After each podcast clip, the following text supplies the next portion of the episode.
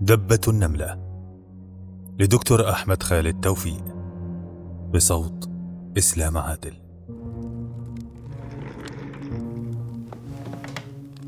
آه اجلس يا محمود ولا تثر توتري. أنا أمقت الأشياء التي تتحرك في مجال نظري وأمقت هؤلاء العصبيين كثيري الحركة الذين ينقلون ساقا على ساق.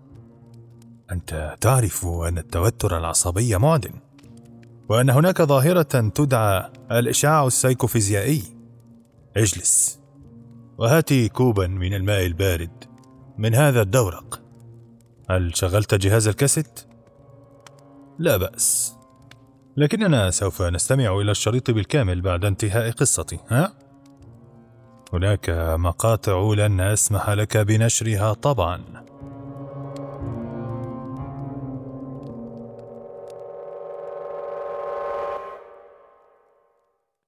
صداقة طويلة جمعت بيني ورامز. صداقة دامت عشرين سنة على الأقل. كانت هذه الصداقة مثالية في كل شيء. كنا صديقين مخلصين لبعضنا. وكان يعرف معظم أسراري وأنا أعرف كل أسراره. لا مشكلة. بالنسبة لتوزيع المواهب كان التوزيع عادلا. أنا بلا أي موهبة من أي نوع وهو يملك يدا وأذنا موسيقيتين بلا شك وكان يتصدر أي احتفال للمدرسة. كنت قوي البنية محدود الذكاء قليل الموهبة وكان هو ضعيف البنية شديد الحساسية والذكاء. لما أنهينا الدراسة الثانوية التحق هو بمعهد الموسيقى. أما أنا فدخلت كلية التربية النوعية. بعد هذا صرت مدرس تربية الرياضيه أما هو فقد بدأ نجمه يعلو في عدة فرق موسيقية وسرعان ما كون فرقته الخاصة وسجل عدة ألبومات ناجحة. كان وسيما ذو كاريزما أكيدة. بالإضافة لهذا كان يحمل ذلك الوهن الذي يفتن الفتيات على طريقة عبد الحليم حافظ. شيء يحرك الأمومة في نفوسهن. أنت رأيته في التلفزيون يا محمود؟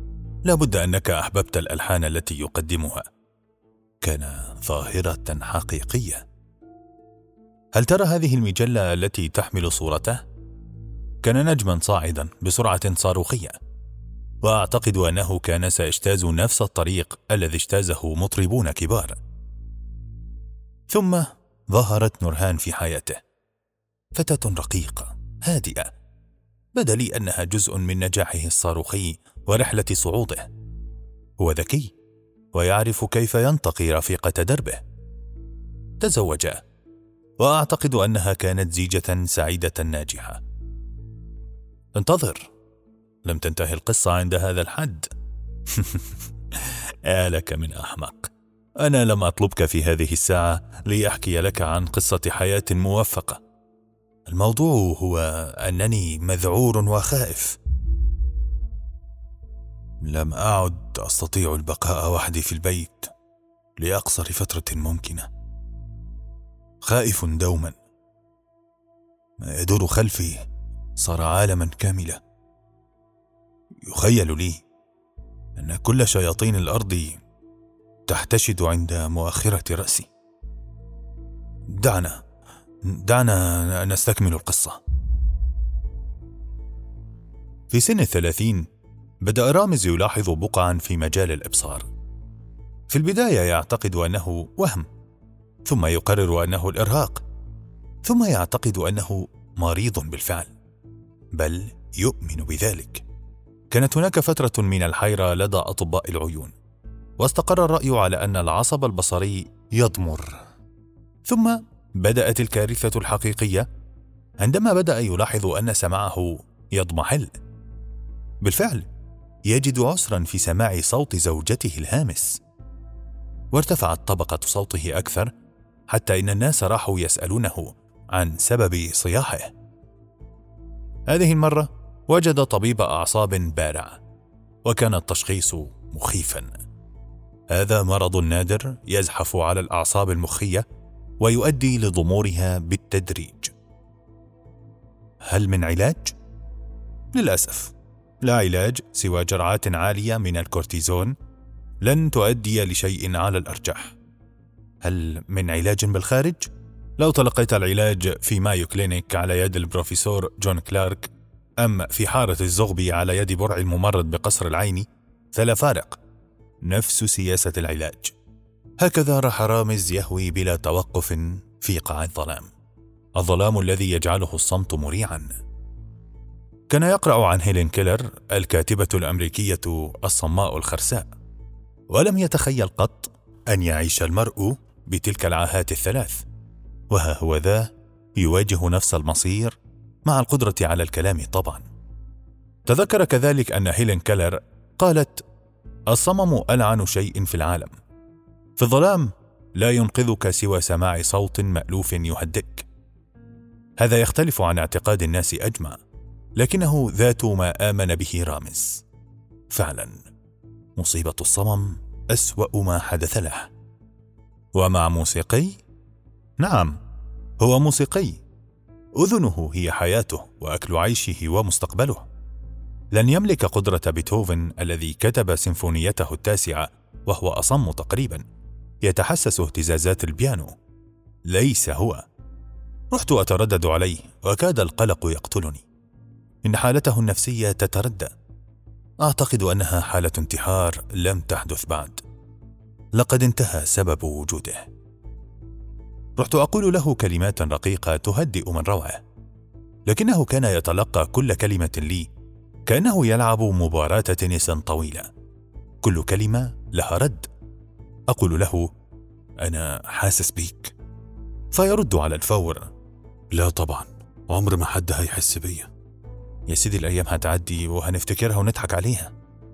آه في الجنة إن شاء الله. كانت حالته تسوء بلا توقف. ولا شك أن نورهان كانت تمر بأتعس أوقات حياتها.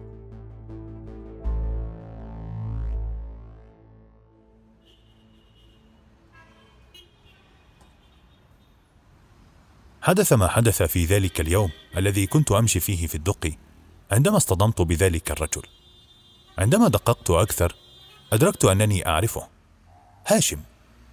نظر لي في دهشة وذهول ثم ارتمى في أحضاني ورحنا نثرثر عن كل شيء وأنا لا أشسر على توجيه السؤال الأهم الذي يؤرقني. وفي النهاية استجمعت أعصابي وسألته عندما عرفت. هاشم كان قد أصيب بضمور في الشبكية منذ ثلاثة أعوام. صار كفيفا تماما. وكان هذا شيئا قاسيا جدا في سنه الصغيرة الواعدة. كنت قد تركته كما نفارق دار السينما بعد نهاية حزينة ولم أره منذ ذلك الحين. لكنني اليوم أجده يمشي بكامل لياقته ويراني ويعرفني. عندما جلسنا في ذلك المقهى استجمعت شجاعتي وسألته عن سبب استعادته بصره. المعجزة التي أدت لذلك ما أعرفه هو أن الأطباء أعلنوا عجزهم عن عمل شيء. قال هاشم في مرح. أنا كنت فقدت الأمل خلاص. لغاية ما لغاية إيه بقى؟ قابلت دكتور ساحر. أيوه وعمل إيه يعني؟ ابتسم وضاقت عيناه للحظة ثم قال بص هو الموضوع شبه العلاج بالخلايا الجذعية حاجة شبه كده. كنت أعرف حلم الخلايا الجذعية الذي عذب مرضى كثيرين. مهما كانت حالة المريض ميؤوسا منها فهم يبشرونه بشيء اسمه الخلايا الجذعية. والحقيقة أن أبحاثها ما زالت في مرحلة الطفولة. وعدد النصابين أكثر بمراحل من عدد الصادقين. كثيرون يسافرون إلى تايلاند ليتلقوا أقصى صدمة في حياتهم. هو دكتور مصري؟ لا أرميني بس استحالة تعرف تفرقه عن المصريين. هو دكتور عيون يعني؟ بص هو دكتور كل حاجة على قديمه كده ابن سينا والرازي جالينيوس أبوقراط بيتعامل مع البشر ككل كده. وبعد إلحاح كتب لي اسم الطبيب وعنوان عيادته ورقم هاتفه. طيب هو إيه؟ أتعابه عاملة إزاي؟ بصراحة هو غالي لكن كل غالي تمنه فيه. شوف العين تساوي كام. تأملت البطاقة. دكتور ويليام أنطونيان. أليان. التي تدل على أن صاحب الاسم أرميني على الفور. أعرف مريضا سوف يجرب هذا الطبيب. يجربه هذا الأسبوع. حتما.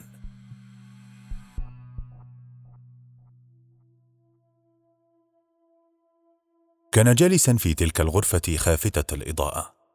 وعلى عينيه ضمادات دخلت نورهان حاملة صحفة عليها مشروب بارد وجلست جوارنا ترمق زوجها في جلسته المتصلبة. بدا لي الأمر كأنه مر بجراحة معينة وانتظرت حتى يحكي لي ما حدث. كان ما زال قادرا على السمع لكن عليك أن تصيح بصوت جهير وكان يتكلم بنبرة عالية لأنه لا يدرك مدى ارتفاع صوته. قال لي بصراحة أنا ما كنت شايف كويس كنت شايف زي أشباح كده. وعرفت إنها شقة في عمارة كبيرة في وسط البلد. العمارة فيها أسانسير بيتعطل كل شوية والشقة كانت نظيفة وريحتها مطهرات بس شكلها قديم برضه. والراجل كان عنده صوت كده عميق مريح. تحس إنه كنبة وعايز تريح فيها والغريب إنه ما عندوش أي لكنة في كلامه. تحس إنه مصري ابن مصري كده. قال لي إنه يمارس ضربا غير تقليدي من العلاج. وهذا العلاج يتلخص في حقن بمجموعة من الحقن التي تحوي خلاصة خلوية. أما عن محتوى هذه الحقن فهنا يكمن سر العلاج. لا أسئلة من فضلك. لا يمكن إفشاء السر. ولو كنت مصرا فبيسعي دائما أن أنسحب. لن يخبرني. باختصار ما بين البايع والشاري يفتح الله. وافقت طبعا. وقلت لنفسي إنني لن أخسر شيئا. وضرب الأعور على عينه. الخربانة خربانة. هذا المثل ينطبق على حالتي حرفيا نظرت إلى نورهان التي راحت ترمق زوجها في قلق حنون وسألتها مم طيب وأنت يا نورهان إيه انطباعك عن الحكاية دي في نصبايا؟ رفعت الشعر عن عينيها فرأيت دمعة متحجرة هناك وقالت بصراحة أنا حاسة إنه مش بيكذب والجو يعني فيه احترام وثقة والنتيجة؟ قال رامز وهو محتفظ بجلسته المتصلبة. هو بالنسبة للعينين مفيش تحسن بالعكس الموضوع عمال يزيد سوء. بالنسبة للسمع أنا حاسس إن في تحسن شوية. قلت بصوت خافت. شوية؟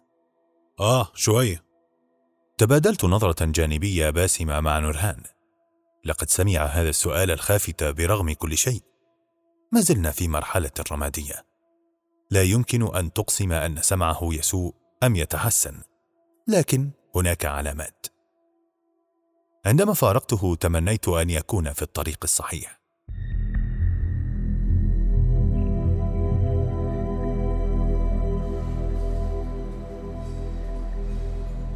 القصة كما ترى يا محمود ليس فيها شيء مريب أو غير طبيعي. مريض طلب الشفاء ولعله وفق أو لم يوفق. ليس الأمر خطرا. ليس هناك بالشيء الذي يثير الهلع. على كل حال في ذلك الوقت لم أكن أعرف أن المهندس شاكر يصلح آلة التقطيع في المصنع. المهندس شاكر في الأربعين من عمره وهو رجل ذكي مرموق. جوار عمله في المصنع لديه ورشة سيارات خاصة عانى كثيرا حتى أنشأها وجاهد حتى يكتسب ثقة العملاء. يعتمد على نفسه كثيرا ولا يترك الأمور للعمال. لهذا وثق به زبائنه. شاكر صديق قديم لي وإن كنا نلتقي لماما. يفكر شاكر الآن في مها زوجته وفي هدية عيد ميلادها التي تنتظر في حقيبة السيارة. يفكر في ابنته نور الرقيقة ابنة السنوات العشر. يفكر في الورشة وفي الشريك الجديد. سوف يذهب هناك بعد انتهاء ورديته في المصنع ليتناول غداء خفيفا. ثم يعمل حتى ساعة متأخرة من الليل. كانت آلة التقطيع معطلة وقد جاء رئيس الميكانيكا يخبره بذلك. قام بفصل السكين وجلس محتبيا ليعالج النصل ومجموعة التروس.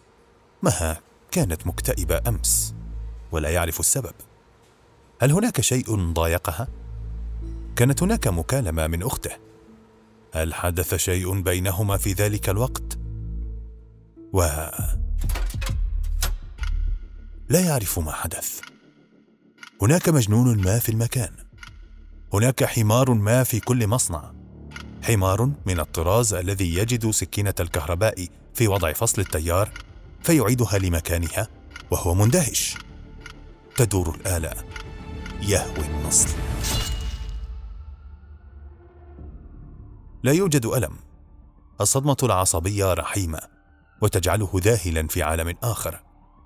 لا يعرف سوى أنهم يصرخون وأنهم يحملونه وأن سائلا دافئا يبلل الأرض.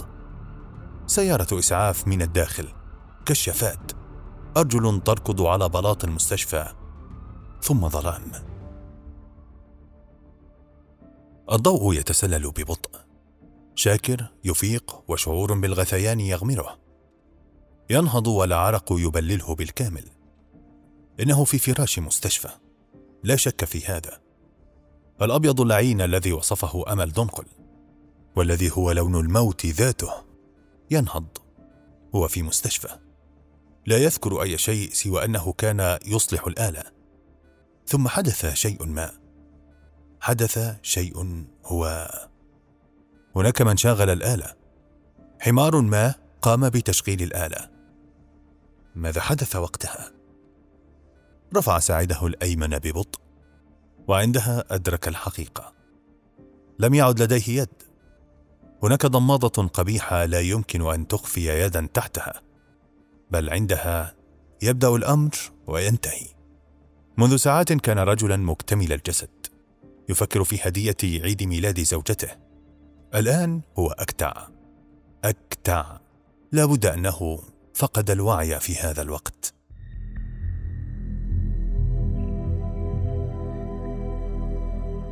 عندما قابلته بناء على كلمات صديق أخبرني بالفاجعة كان قد تغير جدا. كان جالسا هناك في مقعد في شرفة المستشفى وهو يتأمل الضماده التي كانت يده. حاولت أن أمازحه لكن مزاجه كان متعكرا. قال لي إن مستقبله انتهى. صحيح أن المهندس لا يجب أن يعمل بيديه لكنه اعتاد ذلك. دعك من ورشة السيارات التي علق عليها كل آماله. إنه رسام بلا يد. شعرت بأسى شديد. ما أكثر النحس الذي يمر برفاقي. إما أن دوري في هذه المصائب قادم وإما أنا الذي أسبب لهم النحس. سألته. طب هو ما فيش يعني وسيلة تعويضيه ابتسم في تعب وقال مستحيل. الإيد عضو شديد التعقيد. لازم أتأقلم. هو ده الحل. غادرته وأنا أشعر بالتعاسة والأسى. اتصلت برامز لأطمئن على أموره فرد علي في مرح. شعرت بسرور بالغ. كان صوتي خفيضا ولم أكن أصرخ في الهاتف لكن بدأ أنه يسمعني جيدا. كنت أسمع في الخلفية صوت دزانه اوتار كمان. من الواضح أنه يكلمني وهو يداعب أوتار الكمان. علامة صحية أخرى. ده معناه إن علاج الأرمني نجح فعلا. ده حقيقي بس للأسف أنا لسه مش شايف كويس. هنا حكيت له عن شاكر زميل دراستنا. كانت قصة مؤسفة مؤسية. وبدا لي أنه من المستحيل أن يساعده أحد. هنا قال لي في لهفة. لا بالعكس. أنا لما رحت لدكتور تاني مراتي قالت لي إن كان في ناس رجليهم وإيديهم مقطوعة وكانوا مستنيين دورهم. هنا يبدأ التخليف اذا قلت في عصبية. الموضوع ملوش علاقة بمرض عصبي. دي إيدين طارت ما بقتش موجودة. اسمع بس كلامي أنا عارف بقول لك إيه. ثم أضاف بلهجة تقريرية. خلي بس شاكر يروح للدكتور وهو كده كده مش هيخسر حاجة. وأنا أوعدك إن في معجزة جاية في الطريق. يمكنك أن تتخيل تعبير وجه شاكر عندما أخبرته بهذا الاقتراح. تصور هذا سهل على كل حال. نحن لا نتحدث عن حاسة تفقد أو قدرة تضيع. نحن نتحدث عن طرف طار تمزق ذهب به نصل. المسكين قال لي في أسى يا صاحبي زمن المعجزات انتهى. أنا صحيح ما بفهمش في الطب بس أكيد مش هاخد جثة مقطعها قطر وأوديها لدكتور. نظرت ليده المبتورة الملفوفة في الضمادات ثم قلت بص خلينا نتفق على حاجة. أنا راجل مخبول وغير مستقر نفسيا ماشي؟ يا حبيبي أنت مش كده؟ يا سيدي أنا مخبول من الطراز الأول وبجري في الشوارع بهدوم الداخلية والريالة مالية هدومي. المخبول ده مش عايز منك غير حاجة واحدة بس إنك تروح للدكتور ده. ها؟ حاضر مع إنه طلب صعب. انت بتهزر معايا هزار بايخ اسمه الأمل. الهزار ده ممكن يتعبني أكتر. كان إلحاحي شديدا وقد استطعت بالفعل أن أقنعه بأن يجرب. عرفت فيما بعد أنه ذهب هناك مع زوجته مها. كانت مها مستعدة لتجربة أي شيء. لابد أن هناك اعشابا صينية تعيد الأيدي المبتوره لابد أن هناك طريقة ما تعيد حياتها لما كانت. تعيد البسمة لزوجها. وكما هي العادة قابل الرجل الأرميني وكان نفس الطباع وكانت ذات المحادثة. ثم وقع على الورقة بيده السليمة وهو يكتم ضحكة ساخرة. هذا الرجل نصاب بلا شك لكن الدفع سيكون بعد الشفاء طبعا. لن تكون الخدعة قاتلة. لن يسلبه شيئا سوى الأمل. لقد تغير الزمن كثيرا يا شاكر. صاروا يسخرون منك. وصرت أنت كمان مهملا لكنك تسخر منهم اذا تتظاهر بأنك تصدقهم. عاد إلى البيت وأعتقد أنه ازداد سوءا على الأقل من الناحية المعنوية.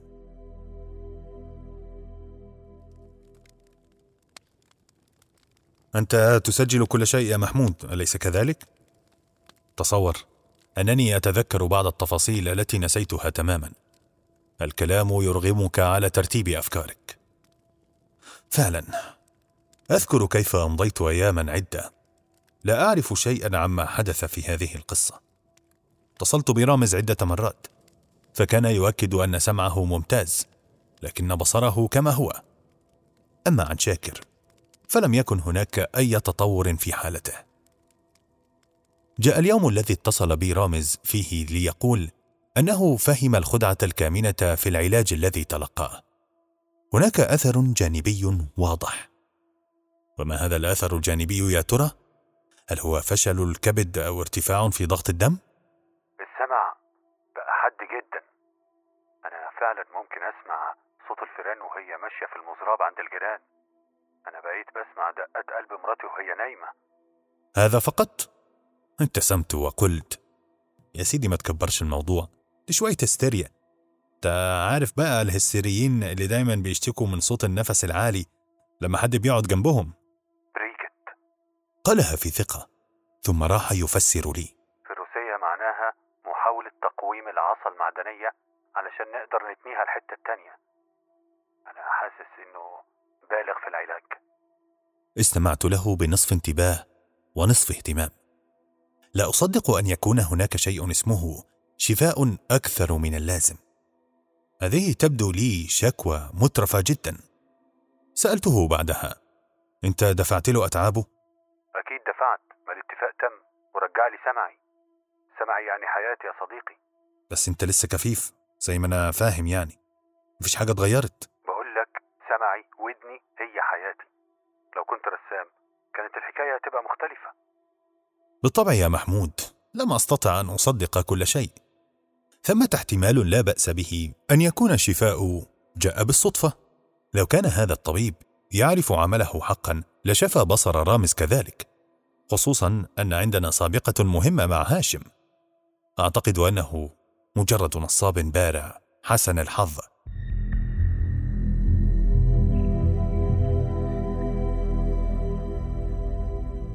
كانت الأسئلة تملأ ذهني.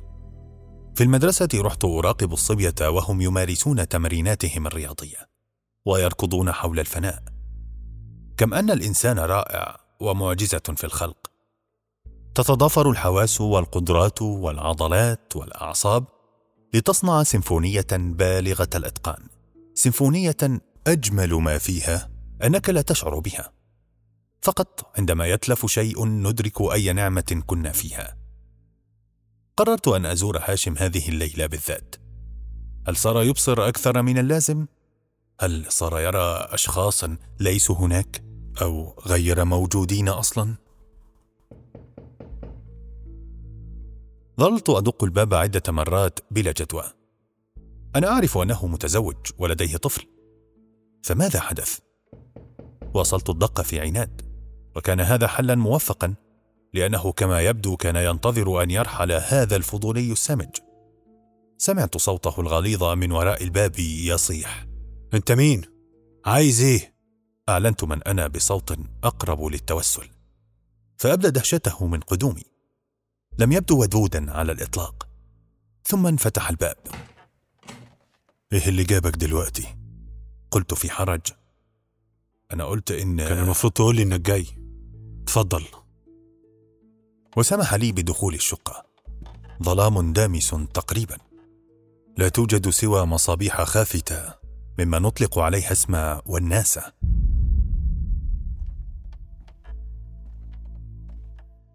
لا أرى شيئا تقريبا. هناك رائحة كريهة فعلا.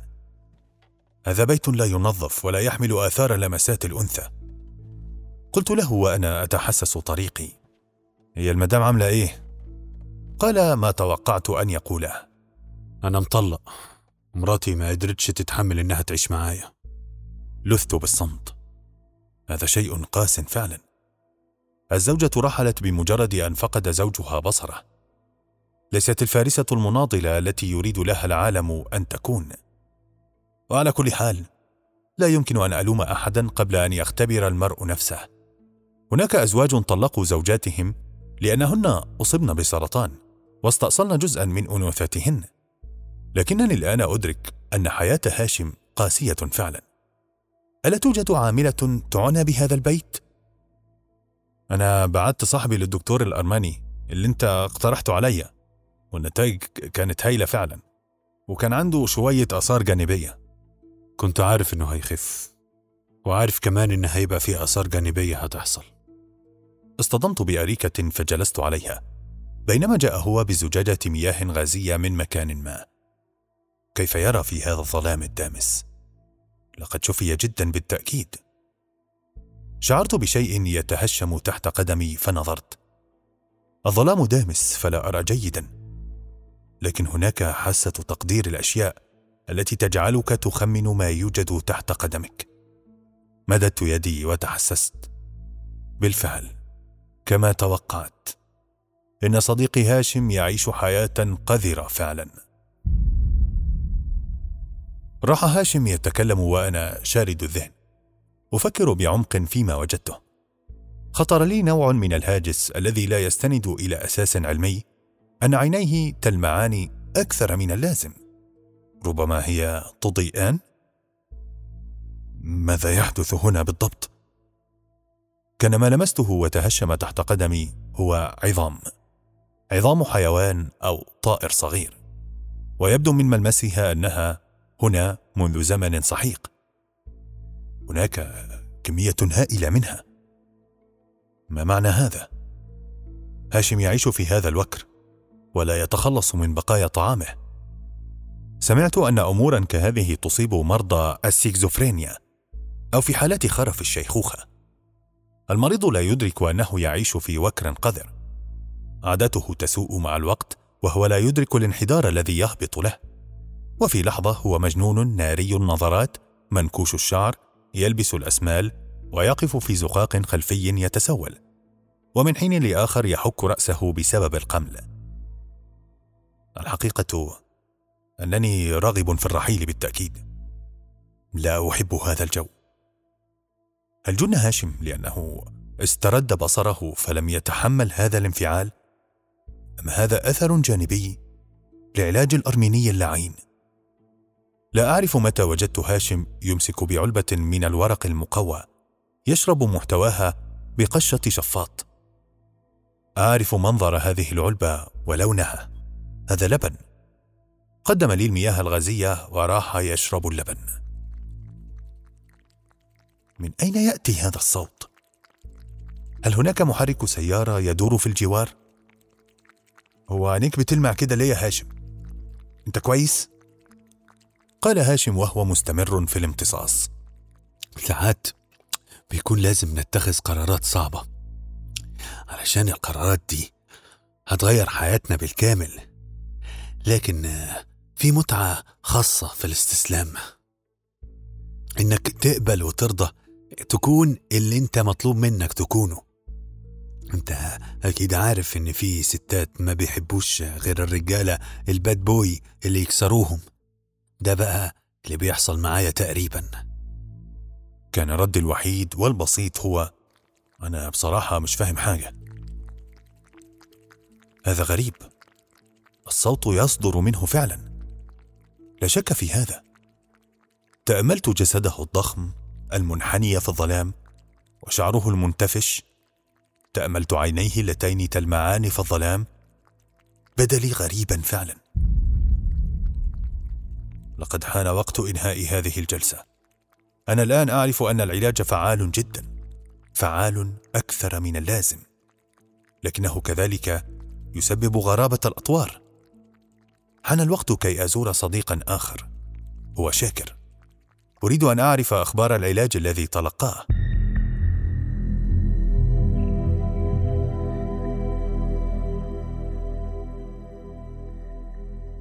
طبعا يصعب الاعتقاد أن العلاج كان ذا جدوى معه. الأمل والألم. هو تكلم عنهما معا. لماذا لم ألحظ من قبل أن اللفظين يحملان ذات الحروف؟ ربما هناك لفظ ثالث كذلك هو المال.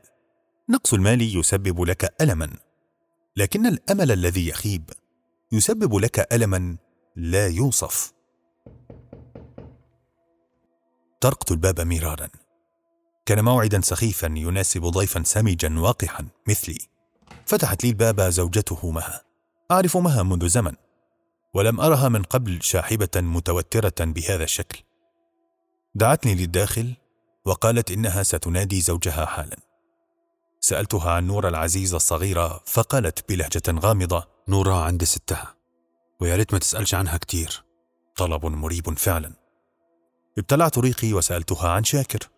شاكر طيب أخباره إيه؟ أكيد بيتحسن ما في شك. في هذه اللحظة دخل شاكر الغرفة فتح ذراعيه مرحبا بي. وعندما غبت في حضنه أدركت شيئا مرعبا. هناك يدان تحيطان بي. تراجعت للخلف ونظرت. بالتأكيد لست أحلم. عند كم سترته رأيت يدا صغيرة مشوهة ليست جميلة المنظر وهي مغطاة بحراشف. ولونها برتقالي مقزز لكنها يد. أضف لهذا أن يده السليمة أه، لم تكن جميلة المنظر كذلك. تراجعت للخلف مذهولا فقال وقد رأى نظرتي. شايف دي إيد حقيقية مش صناعية. الدكتور بتاعك ده طلع عبقري فعلا. إيدي بتطلع. أنا عارف إن شكلها مش قوي كده بس بتطلع. كنت أزداد رعبا. رباه الأمر لا يتم هكذا. مستحيل أن يتم هكذا. هذا كابوس. قالت مها في ارتباك أنها ستعد لنا بعض الشراب. فقال شاكر إنه سيفعل ذلك. طلب منها أن تنصرف لأن بيننا الكثير من الكلام. عندما انصرفت وهي ترتجف قال شاكر آه معلش هي لسه متوترة. بني آدم دايما بيخاف من الحاجة اللي مش متعود عليها. بيني وبينك أنا ما كنتش متوقع النتيجة دي خالص. العلاج فعال جدا. قلت في ذهول.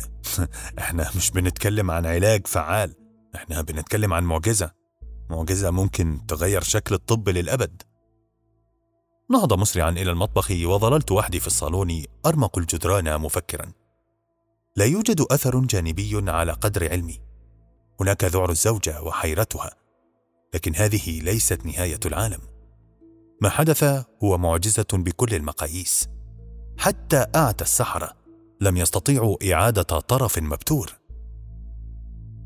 سمعت صوتا غريبا في المطبخ كأن هناك من يقبل خدا بصوت عال مزعج.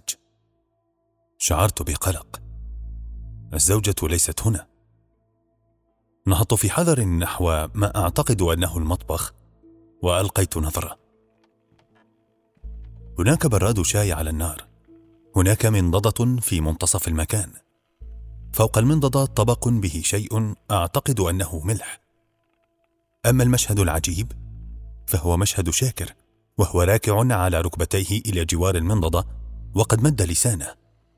لسان طويل جدا. يلعق به الملح في الطبق. ترجعت للخلف لأحبس صرخة هلع كادت أن تنطلق مني. وقفت بضع دقائق أشهق محاولا أن أستعيد تنفسي. عدت في حذر. ألقي نظرة على المطبخ عبر الباب. لم أرى سوى الموقد والشاي عليه. أين شاكر؟ لسبب ما رفعت رأسي لأعلى.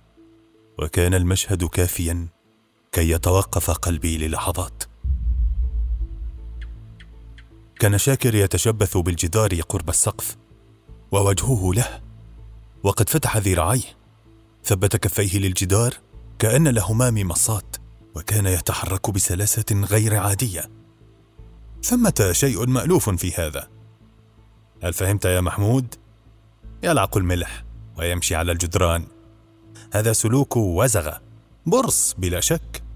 صديقي قد تحول إلى برص آدمي عملاق. هل فهمت؟ الأمر واضح. كي يستعيد اليد التي فقدها حوله الطبيب الأرميني المجنون إلى برص رأيت فيلما شنيعا في National Geographic لقدم برص مبتورة تنمو وتتحول مع الوقت لقدم سليمة كاملة. هذا هو ما خطر للطبيب الأرميني. وماذا عن هاشم؟ الآن يمكنني الفهم. يصدر صوتا وهو يشرب اللبن ويلتهم حيوانات صغيرة فئران على الأرجح. وعيناه مضيئتان. إنه يتحول إلى قط. هذه هي الطريقة المثلى كي يكتسب عيني القط ويبصر جيدا. بل يبصر في الظلام كذلك. قفى شعر رأسي. قفى كما هو منتصب الآن. هات المزيد من الماء البارد. أتناول معه قرصا من الديازيبام. لكني مضطر لزيادة الجرعة يوما بعد يوم. سوف أتحول لمدمن قريبا جدا. أنت كذلك بدأت تتوتر. لم يبدأ المرح بعد. ماذا لو حكيت لك عن اللحظة التي استدار فيها عنق شاكر ورأيته ينظر لي من وضعه المقلوب؟ لقد أدرك أنني فضحت سره. أعتقد أن قلبي كان موشكا على التوقف.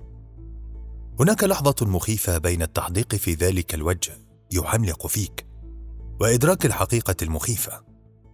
إنه يراك.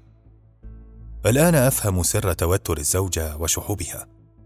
أفهم لماذا ذهبت نور عند جدتها. هل رأت الزوجة هذا المشهد؟ لا أظن وإلا ما ظلت حية. على الأرجح هي خمنت أو شعرت بشيء ما خطأ. لكن لا تقل لي أنها رأت زوجها يمشي على الجدران وقبلت ذلك. رأيت ذلك الشيء الذي يمشي على السقف ينحدر نحوي. يهبط الجدار بسرعة خاطفة مما تتميز به الزواحف. سرعة خاطفة تقطعها وقفات متحفزة حذرة. صمت تام يجعلك تشعر أن أذنك مختلة.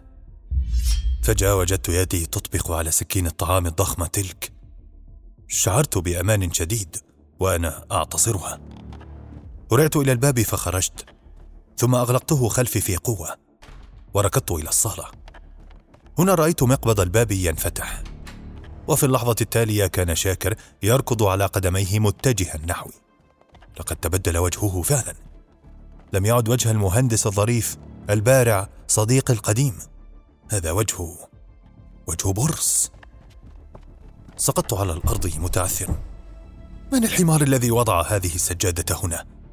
تمسكت بالشراشف فجذبت مزهرية كانت فوقه لتسقط وتتهشم ثم وجدت نفسي راقدا وقد جثم فوقي شاكر يحملق في وجهي بعينين زجاجيتين. لسانه العملاق يتدلى نحو وجهي. كان هلعي لا يوصف.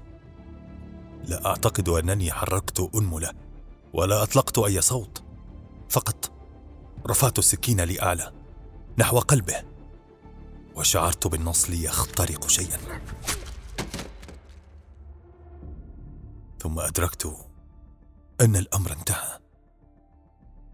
انه جسد خال من الحياة يشثم فوق صدري. نهضت بصعوبة وأنا أحاول استيعاب هذه الحقيقة المروعة. لقد مات شاكر. رأيت شفتيه الجافتين تحاولان نطق شيء. في النهاية استطاع أن يقول بصوت كالفحيح. اقتل. دكتور أنطونيان. ثم تجمد وجهه على هذا التعبير وهذه النظرة. كانت لدي في طفولتي دمية تفتح جفنيها وفمها. وعندما نفذت الحجارة الجافة ظل وجهها في وضع واحد متصلب. تذكرت هذا المشهد الآن. سمعت صرخة حادة رفيعة من خلفي. لم يكن من داع للنظر لأعرف أنها مها الزوجة. لقد قتل زوجها أمام عينيها. ولسوف يكون من الصعب أن أشرح أنه من فعل ذلك. هناك دعابة قديمة عن رجل الكويكرز وهو مذهب ديني يميل للسلام الذي وجد لصا في بيته فأخرج المسدس وصوبه عليه وقال عذرا يا أخي لكنك تقف بالضبط في المكان الذي سأطلق فيه النار. تذكرت هذه القصة الضاحكة وأنا في موقف مختلف تماما. كم من الوقت يلزم رجال الشرطة حتى يجدوني؟ عندها فكرت فيك يا محمود. سوف أتوارى عندك ولكن بعدما أعرف الإجابة هرعت أركض نازلا في الدرج. ركضت في الشارع وأنا لا أفكر إلا في شيء واحد.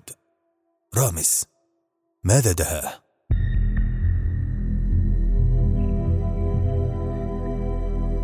كان باب الشقة مواربا. دققت الجرس عدة مرات فلم يرد أحد. طرقت الباب مرارا. كان هناك صوت عزف عزف رقيق على آلة وترية. عزف لا يقدر عليه سوى رامز. دخلت إلى الشقة في حذر كأنني لص شقة فاخرة كما تعرف. ونورهان قد جعلت منها جنة. لكن هناك شيء خاطئ. رحت أبحث بين الحجرات عن رامز أو عن نورهان فلم أجد أحدا. أين الجميع؟ رامز يتمتع بأذنين حساستين جدا. بالواقع هو يسمع دبة النملة. لهذا لابد أنه سمع خطواتي. هي لا تكف عن العمل كالنحلة. أين الجميع؟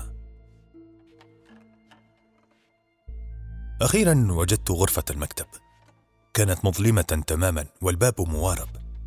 فتحت الباب بحذر وأنا أنادي رامز. شعرت بشكل ما أنه موجود. لاحظ أنه لا يبصر ويمكنه الوجود في الظلام بلا مشكلات. قلت بصوت عال رامز أنت هنا؟ أنا جاي أطمن عليك. لا رد. رامز الدكتور الأرماني أنا اكتشفت إنه بيستعمل جينات حيوانية. بيجيب جينات وبيحقن بيها المرضى عشان ترجع لهم الحواس. والنتيجة هي إن المريض بيتحول لحيوان. حيوان مخيف. لا رد. يا رامز أنت سمعني ثم سمعت صوتا غريبا.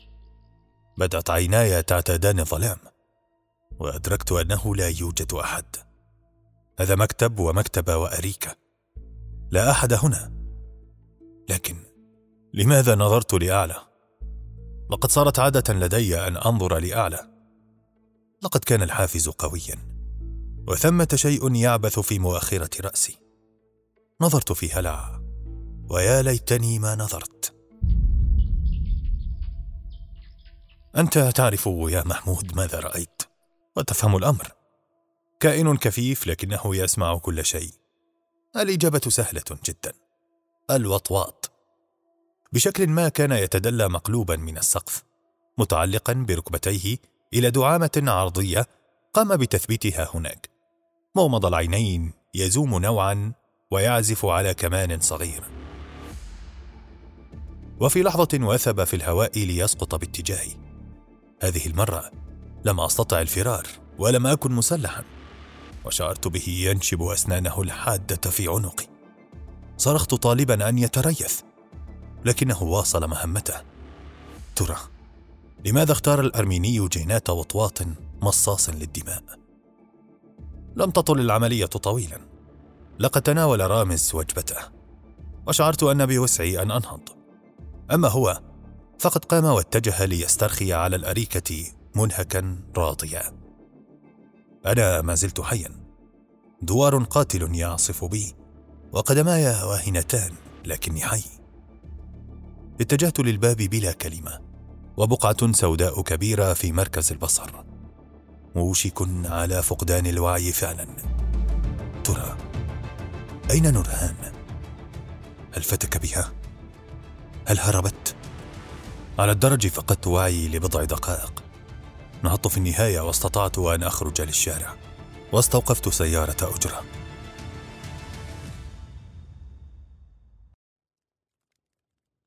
الآن أنا في دارك يا محمود. لا أحد يعرف أنني هنا.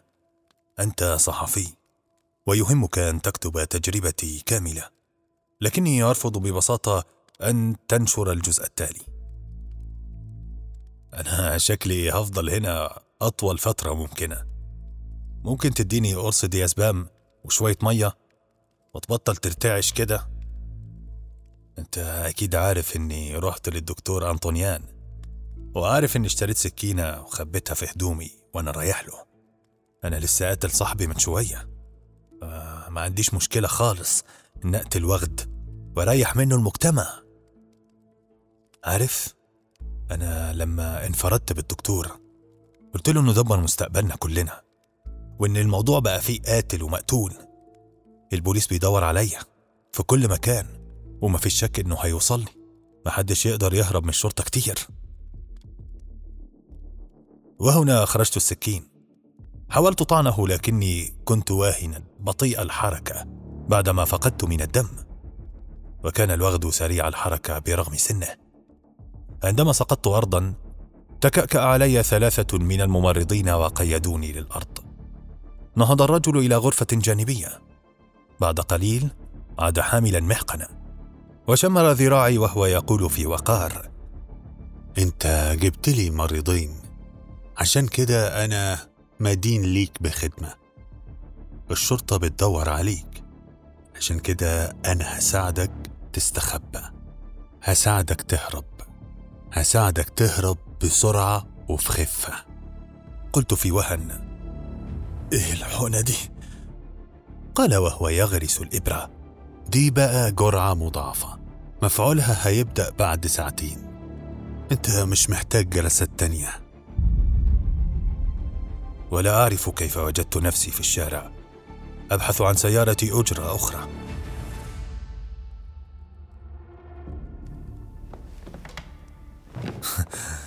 الآن يا محمود أنت تعرف قصتي بالكامل. ربما تأخذك الحمية فتذهب لتقبض على هذا الرجل أو تبلغ عنه الشرطة. بالنسبة لي قد انتهى الأمر. لقد قدم لي الرجل خدمة عظيمة فعلا. يمكنك بسهولة أن تشم الرائحة. يمكنك أن ترى الحراشف على يدي. يمكنك أن ترى شكل فكي. هكذا صار بوسعي أن أفر وأن أتوارى في أي مكان وأن أختبئ في البالوعات. لن يجدني رجال الشرطة أبدا. لكن كل ما أرجوه منك هو أن تسممني وتتخلص من جثتي إذا بلغ التحول مبلغه هاتي جرعة أخرى من الماء وقطعة خبز. إن حياة الصرصور قد تكون مثيرة فعلاً.